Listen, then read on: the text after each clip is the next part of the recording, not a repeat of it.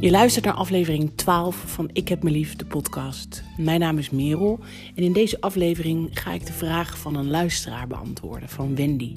Zij stelde een tijdje geleden via Instagram aan mij de volgende vraag.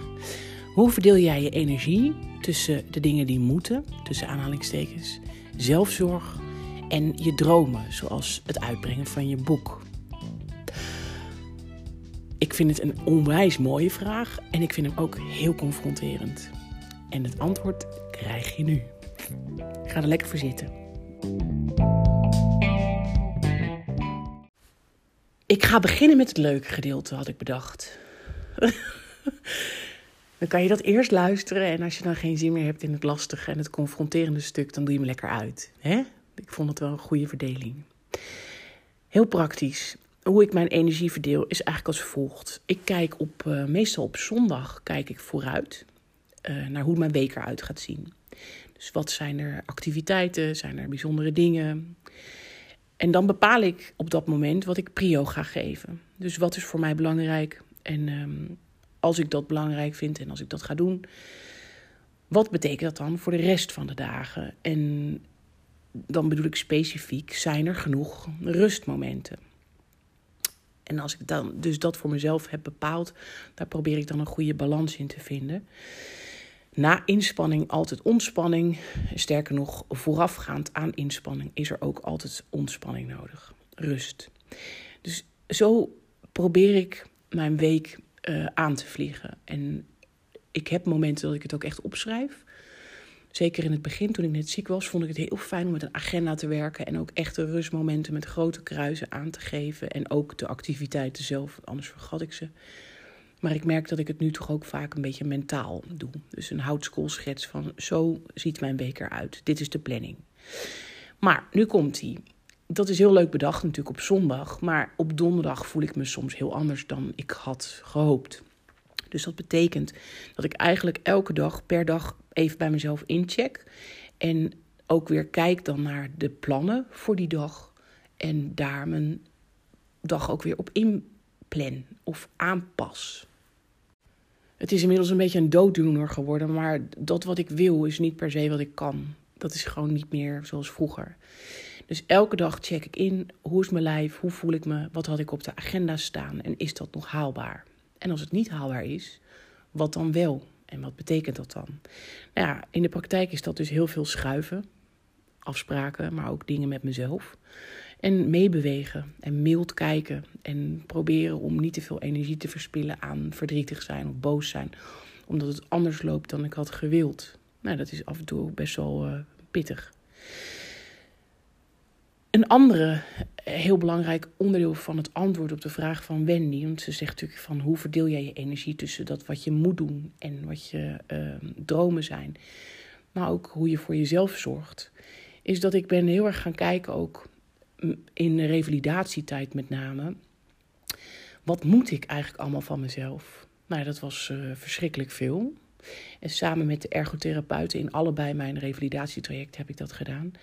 Heb ik natuurlijk gekeken van wat moet ik van mezelf op een dag en in de week? En zijn dat dingen die echt, echt moeten? Of is dat omdat ik het heel graag wil?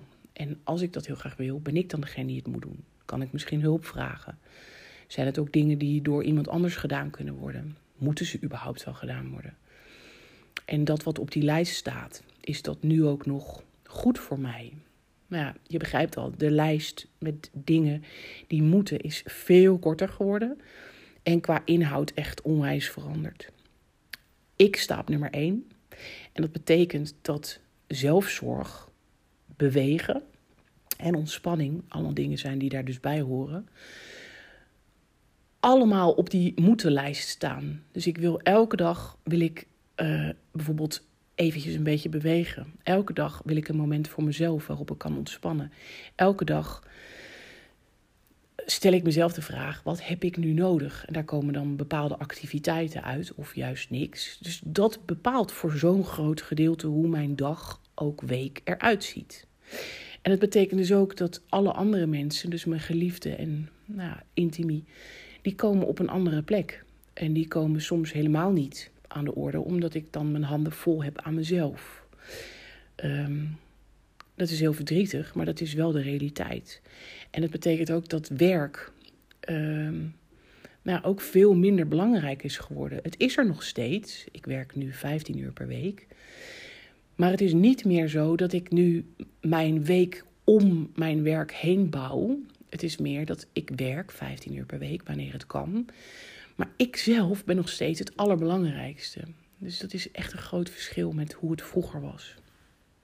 En dan het laatste onderdeel van de vraag. Dus hoe hou je energie dan over voor de dingen die, uh, ja, die bijzonder zijn? voor je dromen, uh, bijzondere activiteiten. En in mijn geval was dan dus het schrijven van mijn boek. En het, uh, het laten uitgeven of het eventueel zelf uit gaan brengen. Hoe plan ik dat dan in? Hè? Hoe zorg ik dat ik daar dan energie voor overhoud? En daar kan ik eigenlijk heel kort over zijn. Ik plan dat ook in. Dus ik, ik heb dat met mijn boek ook gedaan. Ik ben bijvoorbeeld een weekje naar Zeeland gegaan. Heb ik in mijn eentje in een huisje zitten schrijven. En dat klinkt heel idyllisch en romantisch. En dat was het ook echt wel. Maar tegelijkertijd gaat dat keihard ten koste uh, van iets anders. Dus van andere dingen waar ik normaal gesproken mijn energie aan uh, geef.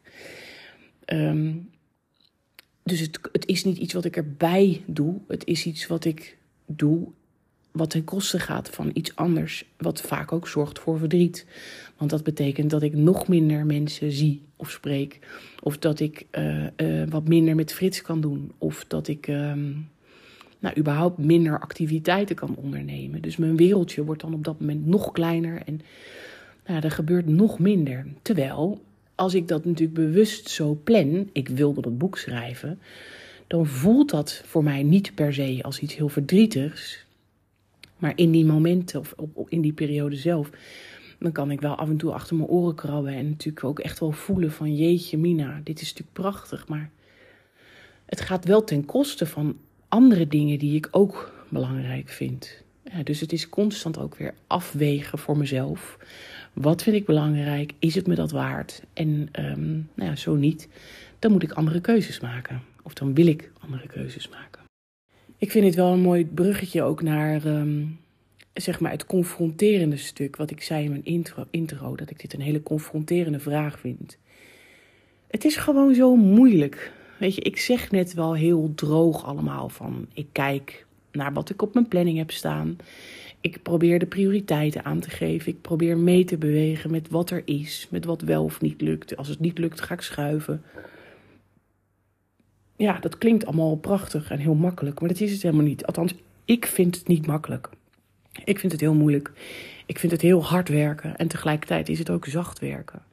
En daar wil ik wel uh, nog even verder induiken met je als, uh, als je het goed vindt. En uh, als je daar geen zin in hebt, dan moet je lekker nu stoppen.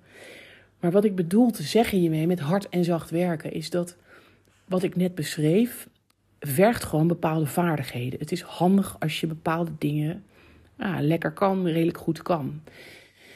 En ik kon die niet allemaal toen ik net de diagnose kreeg. Ik uh, was uh, helemaal nog niet zo goed, blijkt nu, in uh, nee zeggen en in grenzen stellen. En misschien in mijn hoofd wel. Dus ik, ik, ik had in mijn, in mijn hoofd heel duidelijk wel van nou, tot hier niet verder op bepaalde gebieden. Um, alleen het, het, uitspreken, het communiceren naar mensen en daar ook echt voor gaan staan, vond ik echt nog best wel vaak heel lastig. Dat is een vaardigheid die ik nu uh, heel erg vaak nodig heb. En als ik dan weer terug ga naar dat hard werken gedeelte, is dat dus ook heel hard werken. Het oefenen met al die ja, skills die ik nog helemaal niet zo goed onder de knie had en heb. En uh, dan is nee zeggen is dus daar een hele belangrijke in. Dus nee zeggen tegen mezelf, want ik kan van alles willen, maar het lukt niet altijd. Nee zeggen tegen anderen vind ik nog steeds echt wel heel pijnlijk af en toe. En daarmee dus ook heel duidelijk mijn grenzen communiceren. Nou, ik oefen me suf en ik zie ook echt wel dat ik daar veel beter in ben geworden. En daar ben ik ook super trots op. Maar het is nog steeds elke dag zijn dat uh, uitdagingen.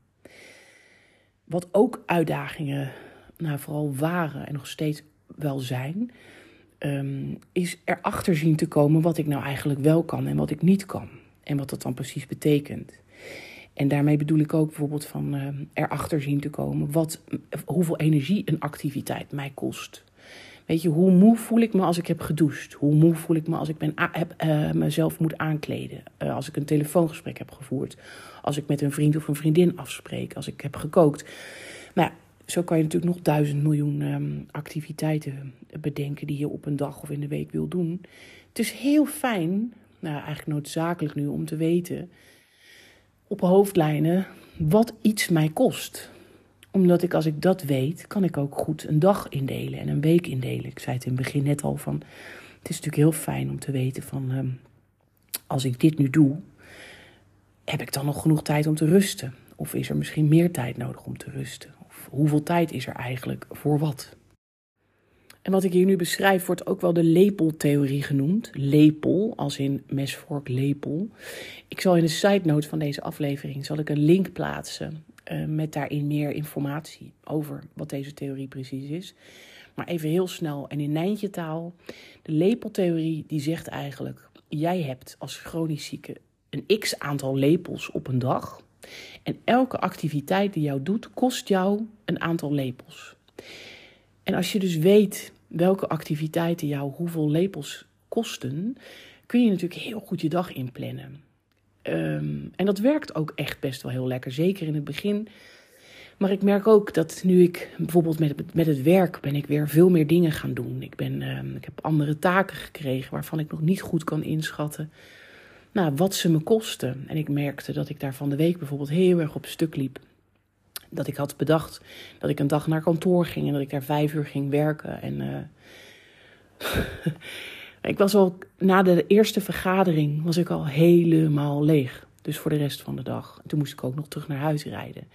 Dus het is heel fijn, die theorie. Maar in de praktijk is het toch elke keer weer oefenen, uitvinden, ongelooflijk hard op mijn bek gaan. En daar dus ook weer van leren. En dan de volgende keer weer aanpassen, toepassen.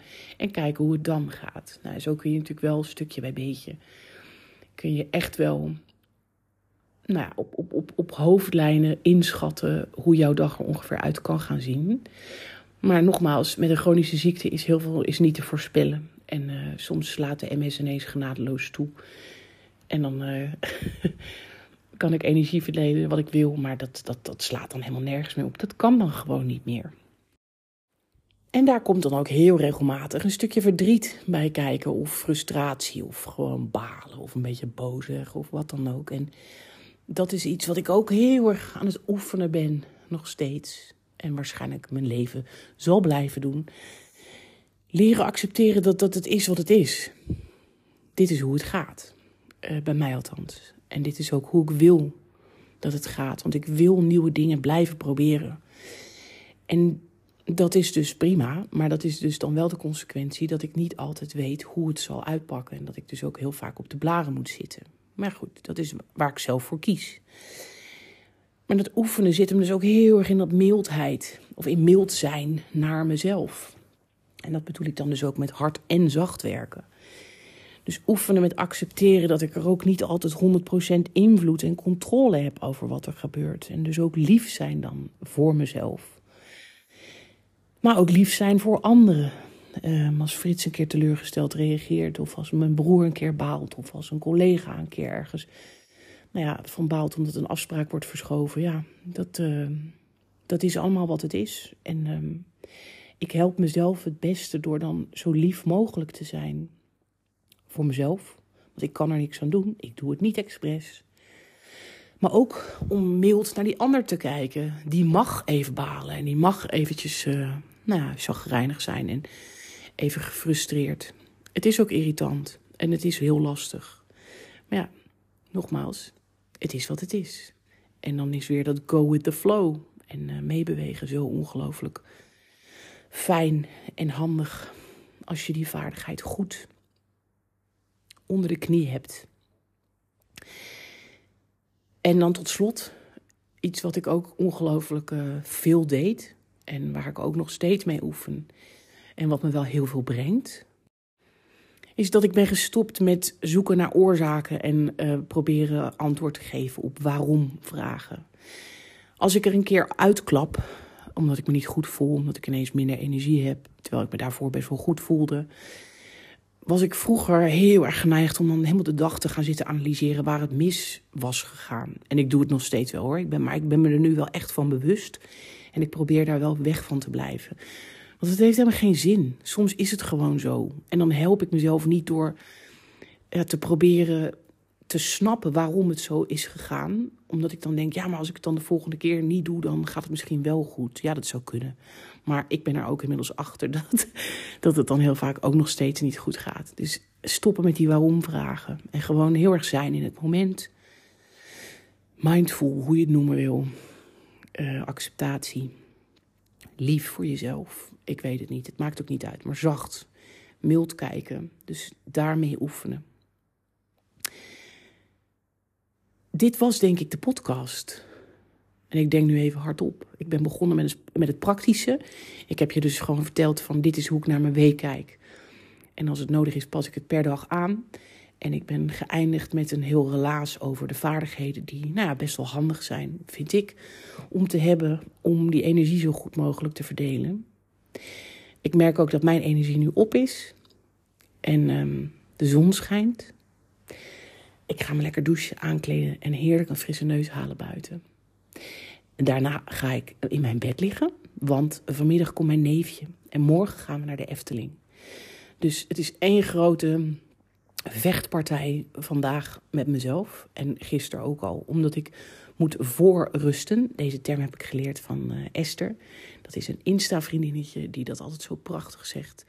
Voorafgaand aan een activiteit gaat zij in voorrust. En ik heb die term overgenomen bij deze.